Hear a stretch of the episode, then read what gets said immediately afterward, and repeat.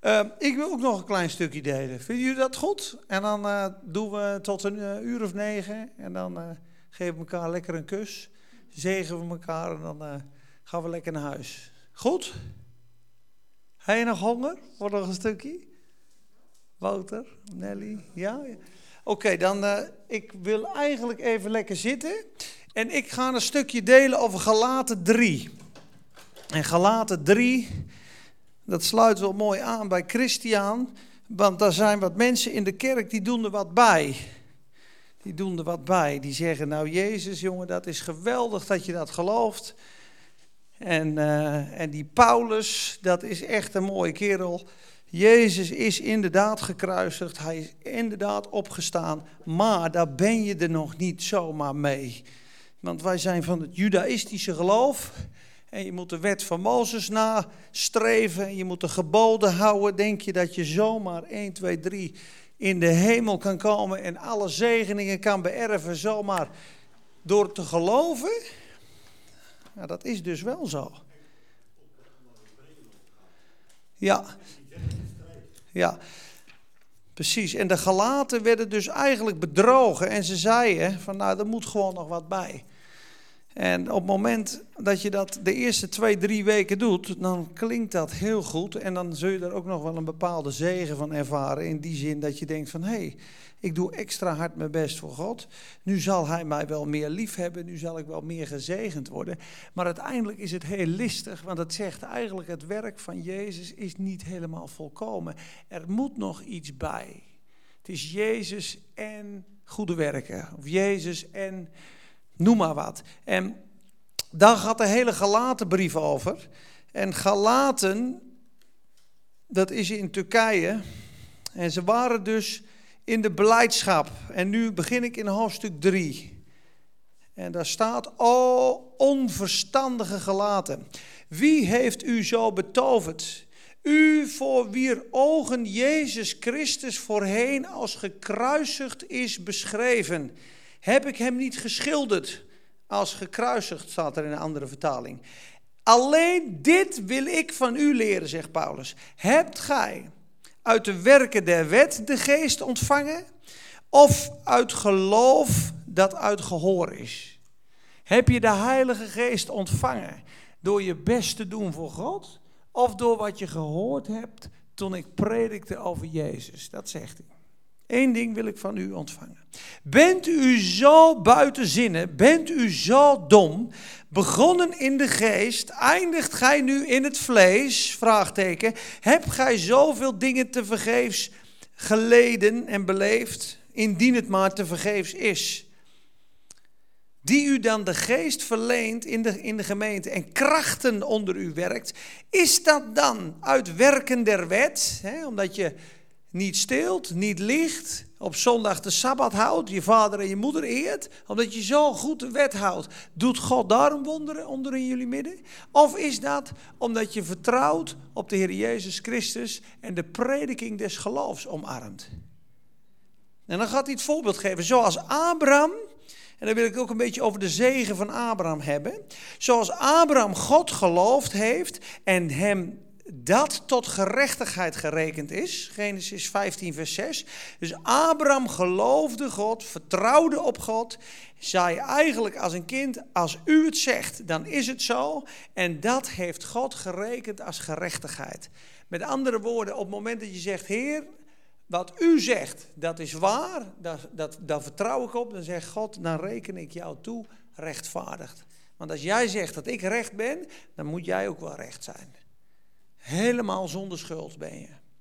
Nou, erkent dan dat allen die uit het geloof leven, dat zijn wij, zonen en dochters van Abraham zijn. Daar de schrift, de Bijbel van tevoren al zag dat God de heidevolken wij uit het geloof zou rechtvaardigen, heeft zij bij voorbaat aan Abraham het evangelie verkondigd. Wat is het evangelie hier? In jou, Abraham, in Christus zullen alle volkeren worden gezegend. Zo dan, allen die uit het geloof leven, zullen gezegend worden samen met Abraham. Dus alle zegeningen van God komen door dezelfde manier, door het geloof. Ik heb drie fouten gemaakt vandaag. Kan je nog gezegend worden? Ja, ik heb twintig fouten gemaakt vandaag. Kan je nog gezegend worden? Ja. Weet je wanneer de zegen weggaat? Kijk maar eens naar vers 10. En dan moet je eens goed lezen wat er staat. Iemand die de wet houdt. Moet je nagaan, dat is een oprecht iemand. Die is dan een beetje misleid door zijn judaïst. Of die is vandaag de dag misleid door de boze. Door zijn best te doen voor God. Dus dit is een oprecht mens. Die zat s morgens op. Die denkt, ik moet nederig zijn. Ik moet liefdevol zijn. Ik moet God dienen. Ik moet bidden. Ik moet Bijbel lezen. Ik moet echt heilig leven voor God. Ja? En dat doet hij. Hij wil de wet houden. Eens kijken wat er gebeurt. Allen die uit de werken der wet leven, liggen onder een vloek. Er staat immers geschreven: Vervloekt is een ieder die niet blijft bij alle geboden in het, van het boek van de wet om die te doen. Dus met andere woorden, als je de wet wil houden, zegt God, dan moet je ze allemaal houden.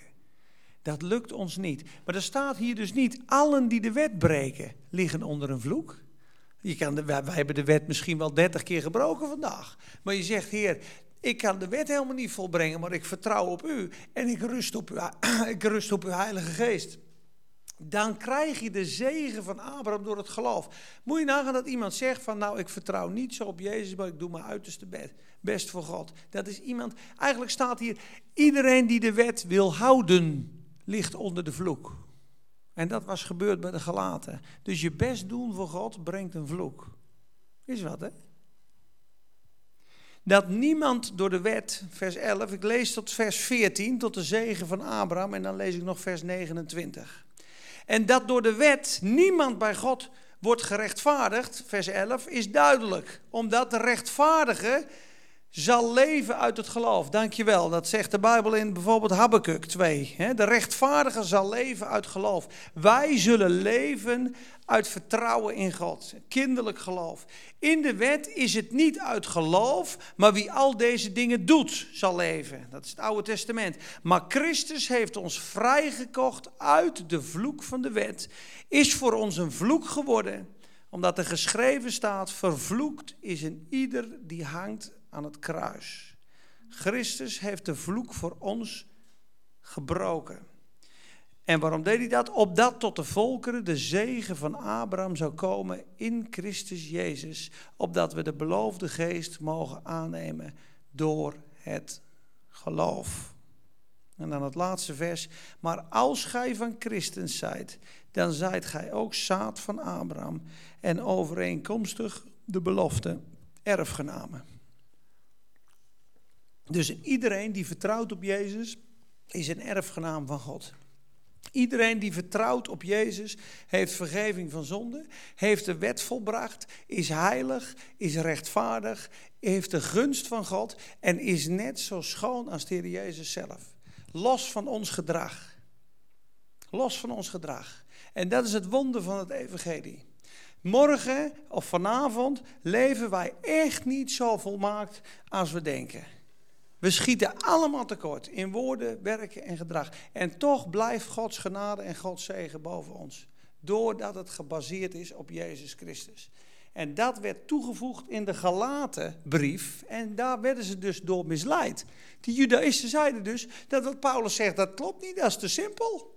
Je moet de Sabbat houden, je moet uh, je laten besnijden. Dat zie je op een gegeven moment in hoofdstuk 5. Je moet je laten besnijden. En je moet leven zoals de wet van Mozes. Nou, dan zouden ze teruggaan naar Leviticus 18. Dan zouden ze, wie deze dingen doet, zal leven. Dat kwam erbij. En lees maar eens in hoofdstuk 4 wat er dan gebeurt. Hij vraagt in hoofdstuk 4, vers 16: Waar is nu de zegen? Even kijken hoor. Is dat 14 of 16? Even kijken hoor. Hij staat hier iets anders in deze vertaling. Oh ja, 15. Waar is dan dit zalig geluk van u gebleven? Vraagt hij daar. Waar is nu de zegen die je had aan het begin? Want ik getuig u dat als het mogelijk was, dat jullie je ogen eruit gerukt had eh, en, en aan mij had willen geven. Dus je ziet hier dat ze beroofd worden door de zegen, door hun best te doen voor God. Ja. Zegen en vloek. Als je, als je de geboden houdt, word je gezegend. Als je de geboden niet houdt, word je vervloekt. Nou, wij houden de geboden echt niet allemaal, dus dan zouden we eigenlijk onder de vloek vallen. Maar Jezus is voor ons tot vloek geworden. Dus de volle vloek van de doornenkroon is op Jezus gekomen. Dus op het moment dat wij nu breken, zou normaal zou God zeggen: Ik vervloek je. Maar omdat we nu onder genade geplaatst zijn, heeft Jezus die vloek op zich genomen. Dus geen vloek in ons leven kan standhouden. Dus we hebben enkel en alleen zegen uit genade. En in ons hoofd en in ons hele systeem zit geperst. Hoe, hoe het er komt, ik snap het niet.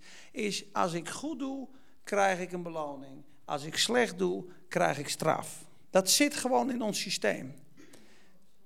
En we doen vaak aan zelfevaluatie. Als je s'avonds naar bed gaat, denk je soms: Oh ja, Heer, ik vraag u vergeving voor alle foute dingen en ik dank u wel. En je staat dan op. Maar eigenlijk moeten we veel meer gaan danken. En moeten zeggen, Heer, ik dank u wel dat ondanks mijn onvolmaakte gedrag ik toch volmaakt in u ben. Want het is niet uit werkende gerechtigheid, maar uit geloof. Ik ben uit geloof gerechtvaardigd. Ik vertrouw op u en alle zegen van Abraham zijn mij ten deel gevallen. Allen die uit het geloof zijn, zijn gezegend met Abraham. Ik ben door vertrouwen in Christus een kind van Abraham. En wie weet wat de zegen van Abraham is? Wat is de zegen van Abraham? Weet je dat, Ruben? Wat is de zegen van Abraham? Want dat zegt hij in vers 14, hè, hoofdstuk 3, vers 14. Omdat tot de volkeren de zegen van Abraham komt in Jezus Christus. Wat is nou de zegen van Abraham? Wat hebben wij ontvangen in Christus Jezus? Dat is sowieso een zegen, een deel van de zegen. De geest, onsterfelijkheid.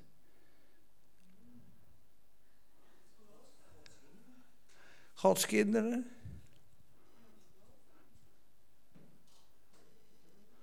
Ja, maar wij beseffen dus in heel veel mate niet hoe rijk we zijn. Want op het moment dat ik nou zeg, al je zonden zijn vergeven en je hebt eeuwig leven, dat betekent dat je nooit meer sterft en dat God je nooit meer gaat straffen. En toch? Precies, maar beseffen we echt dat we voor eeuwig leven, dat we, dat we eigenlijk al in de hemel zijn, bij wijze van spreken, want we, zijn, we hebben eeuwig leven, en dat we ons beseffen, we zijn nog heel vaak zwak en zondig in onszelf, omdat we tekortschieten. We kijken heel, vaak, kijk je naar jezelf, je schiet tekort. En je oordeelt dan, uh, ben ik nog wel waardig genoeg voor God? Is het waar? Kennen mensen dit? Maar we je bent volmaakt. Maar, dan komt de maar, hè? Ja. Ja, precies. Precies, ook tegen mij. Ja, niet goed genoeg. Je gedrag is niet perfect. Maar daar rekent God je dus niet meer op af. Zie je hoe listig? Biming ook, hè? Ja, maar hoe overwinnen we die? Hoe overwinnen we de aanklager? Door de waarheid van Gods woord. Door het bloed van het lam hebben ze hem overwonnen. Ja, door het woord van uw getuigenis. Maar nu de vraag, mankeert er iets aan Jezus? Nee. Als God ons dan aanrekent Jezus. Als hij nu zegt, Maria is Jezus. Ik zie jou als mijn zoon, want je bent in mijn zoon. Volmaakt gesteld. Op het moment dat wij op onszelf zien, is er altijd tekortkoming, is er altijd zwakte, altijd zonde. Zullen we ons hele leven moeten toegeven, ja, en acht, tienvoud, drievoud, viervoud. We komen er nooit. Maar God wil dat het, dit is het ware evangelie. En dus je ziet al hoeveel we soms erbij vandaan gedreven zijn. Dat het weer een werk-evangelie wordt. Dat het weer wordt, zondags hoort de wet. Oh ja, ik heb van de week, ja, ik heb het verleukt. Ik heb dit, ik heb dat. Oh, ik heb de zes breuken. Nou, Ja, maar groei begint, groei begint bij het omarmen van de waarheid dat het volbracht is voor jou en dat er geen schuld en aanklacht meer is. Daar begint de groei.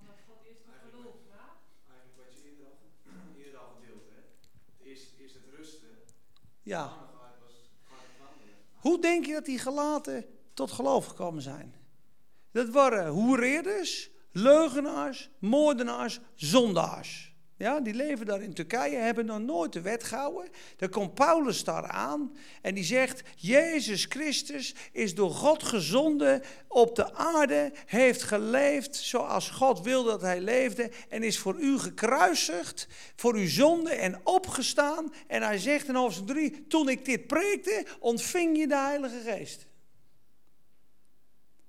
Eén ding wil ik van u weten gelaten. Heb gij de Heilige Geest ontvangen? Heb je het eeuwige leven ontvangen? Heb je de zegen van Abraham ontvangen? Heb je de vergeving ontvangen? Door wat je deed of door wat ik zei?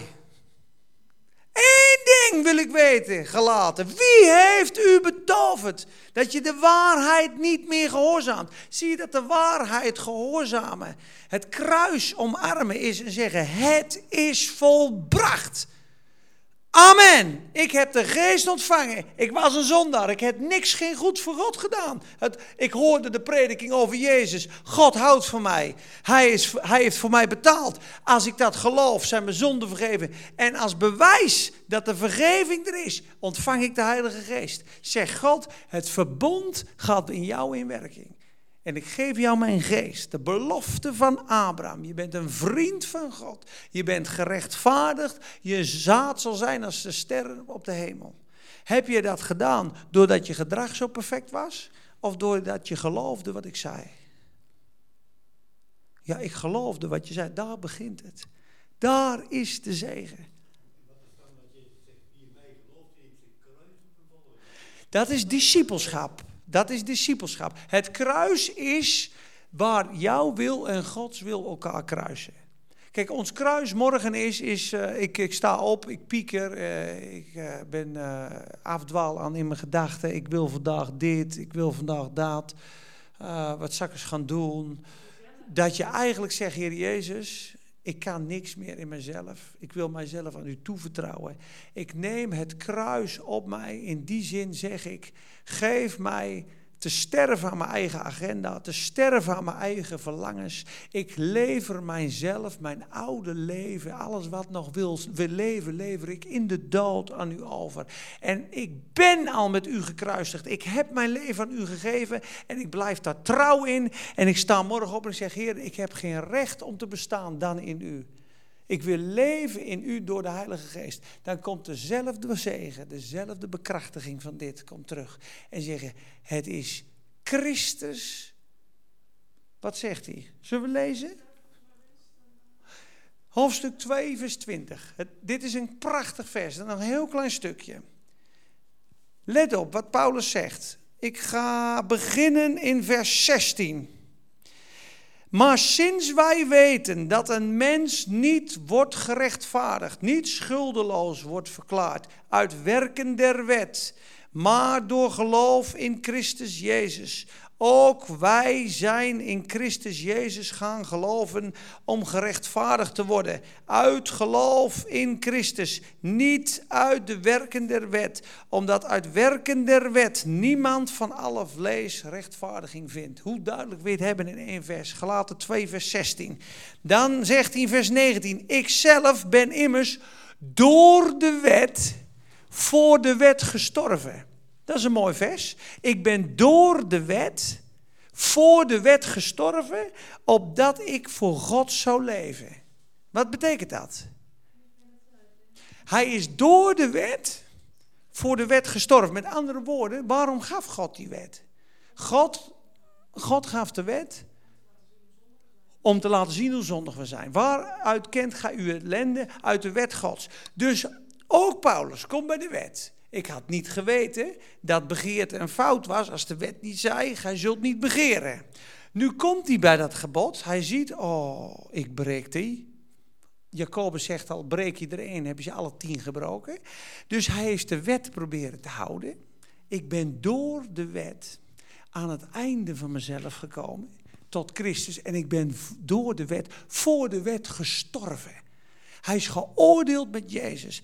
Alles wat die wet nu eist. hey, jij neemt me breuken. hey, hier lieg je. hey, je eer je vader en moeder niet. Hallo, hallo. Daar is die dood voor. Er is absoluut geen aanklacht van die wet meer. De Heer Jezus heeft dat vervuld en Paulus is gestorven en heeft een totaal nieuw leven. En zoals Abraham leefde voor de wet, 430 jaar voor de wet, Abraham, ja, en Jozef voor de wet leven gewoon in de gemeenschap van God en zondigen niet. Jozef rent weg bij Potifars vrouw zonder de tien geboden omdat de Heer met hem was.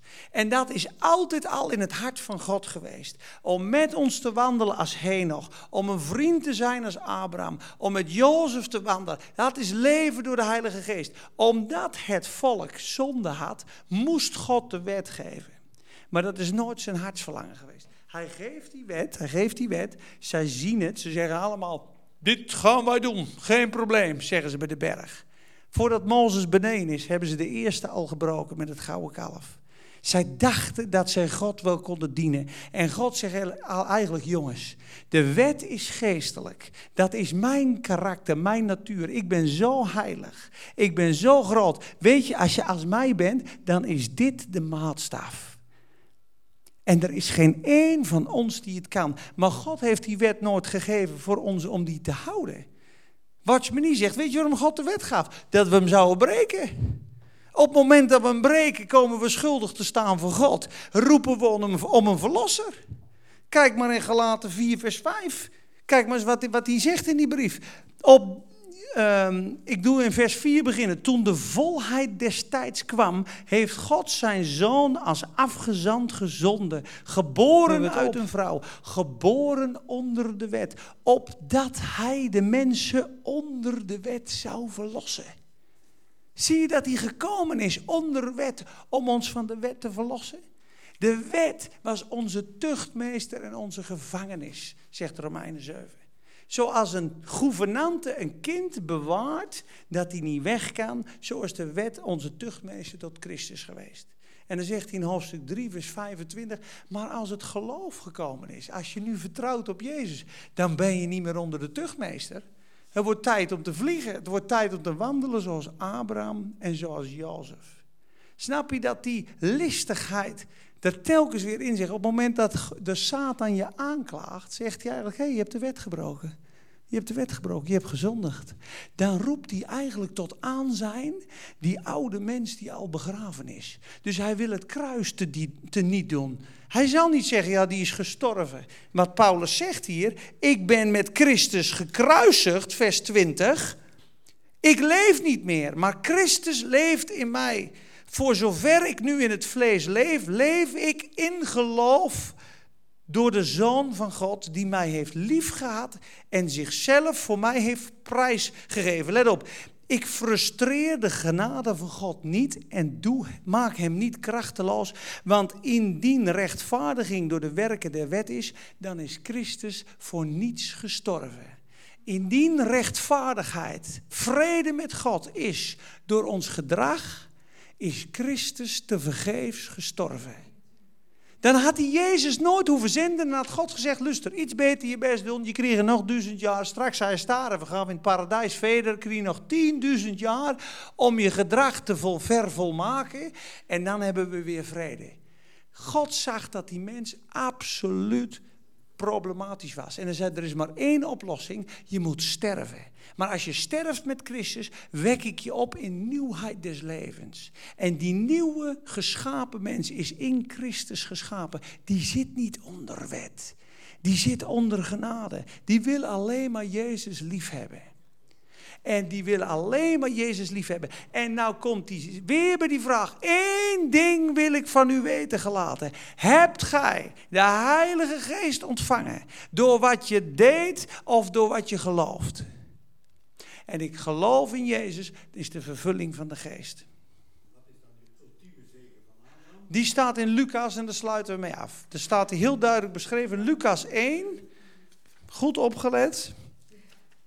Lucas 1, de zegen van Abraham beschreven in de Bijbel, is ontzettend mooi. En dit wenst God voor ons. En dit wens ik voor mezelf en voor jullie allemaal.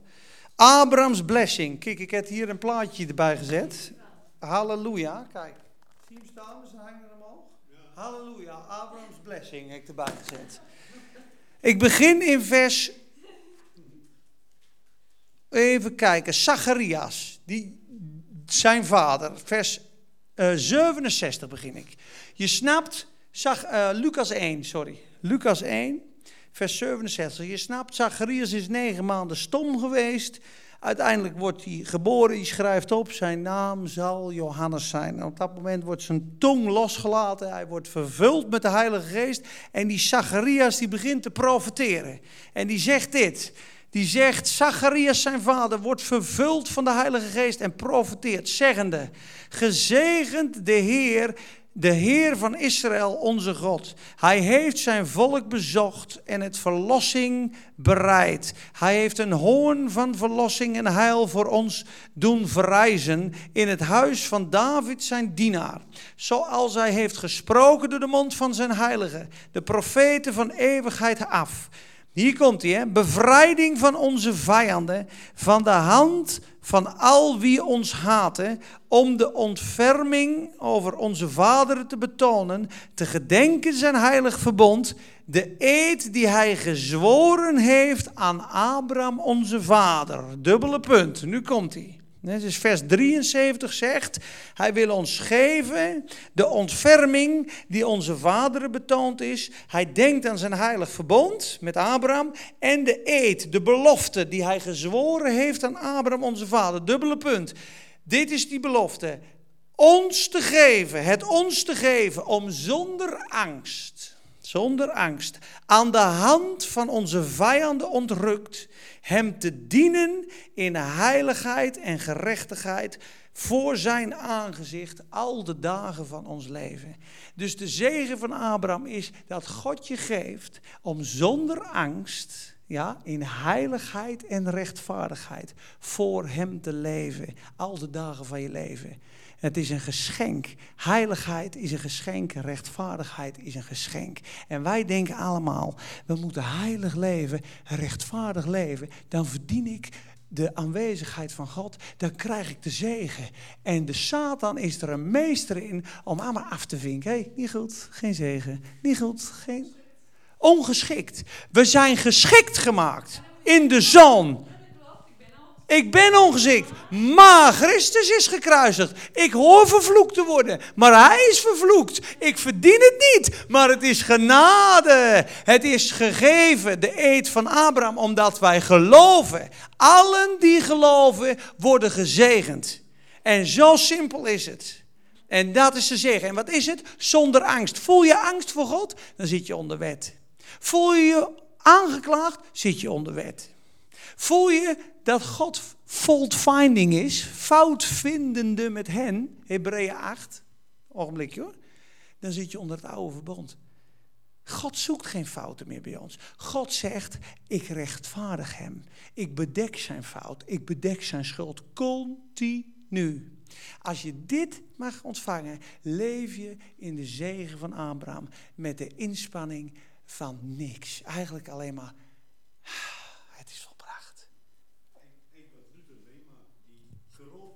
Precies. Juist. Amen. Wat wou jij zeggen? Ja, tuurlijk. Maar dat zegt hij ook, hè?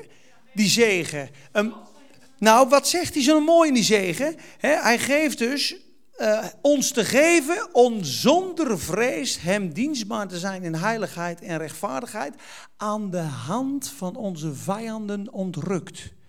Er staat eigenlijk om ons te geven bevrijding uit de hand van onze vijanden. Dus de zegen van Abraham is ook dat God je bevrijdt van elke demonische macht en van elke gebondenheid. Dat is een zegen, dat geeft God je, omdat je vertrouwt. En anders kan je niet genieten. Ben je gebonden, zit je nog niet in de zegen van Abraham. En God wil je bevrijden.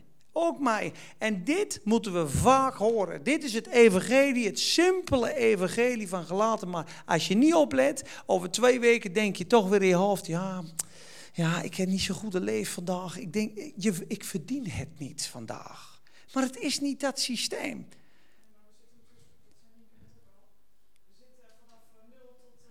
Ja, en.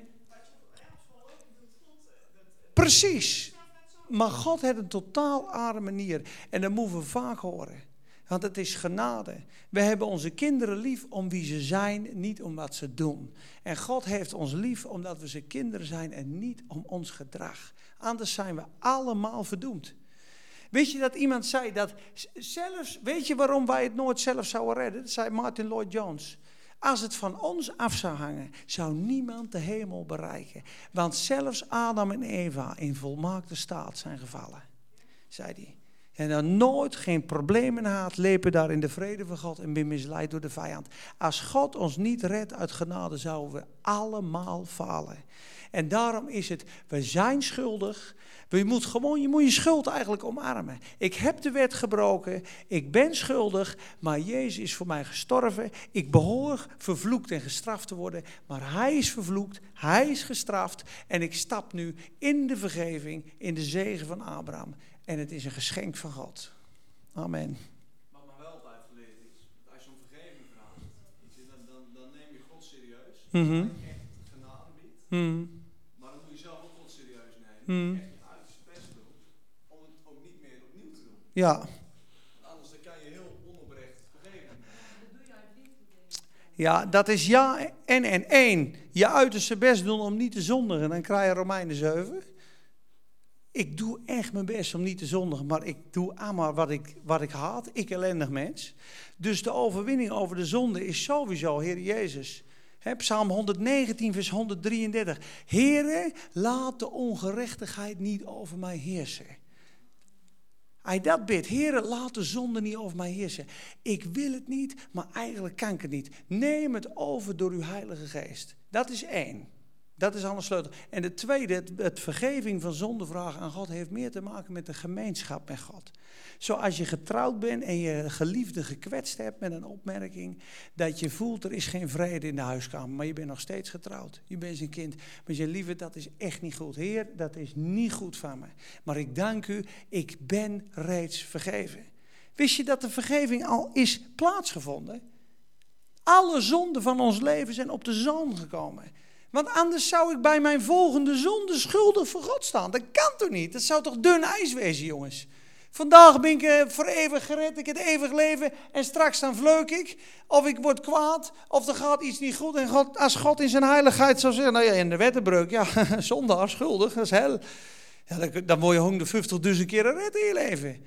Dat kan niet. Het is volbracht. In hem hebben wij de verlossing, de vergeving der misdaden naar de rijkdom van zijn genade. Het is zo groot dat het niet meer kapot kan. En dan zeggen ze, oh, nou, dan heb je een vrijbrief om te zondigen. Maar het tegenovergestelde gebeurt. Als je dat ziet, dan kun je niet meer zondigen. Dan zeg je, lieve Heer, u hebt het zo volbracht. Ik kan u niet meer kwetsen. Ik doe het uit liefde niet meer. Ik wil het niet meer. Maar je zonden zullen je niet meer scheiden van God. Want Hij is gescheiden van God. Dat is het wonder, jongens. Dat is de genade. Daar word je blief aan. Dan kreeg je die zegen. Waar is nu de zegen die u had aan het begin? En ze deden er uiterste best, de gelaten. En ze lagen onder de vloek. En op het moment dat je niet je best doet en zegt, Heer, ik, had, uh, ik was niks, toen kreeg ik de geest, omdat ik het geloofde, dan ben ik nog steeds niks. Ik heb de geest omdat ik geloof. Zo simpel is het. Amen.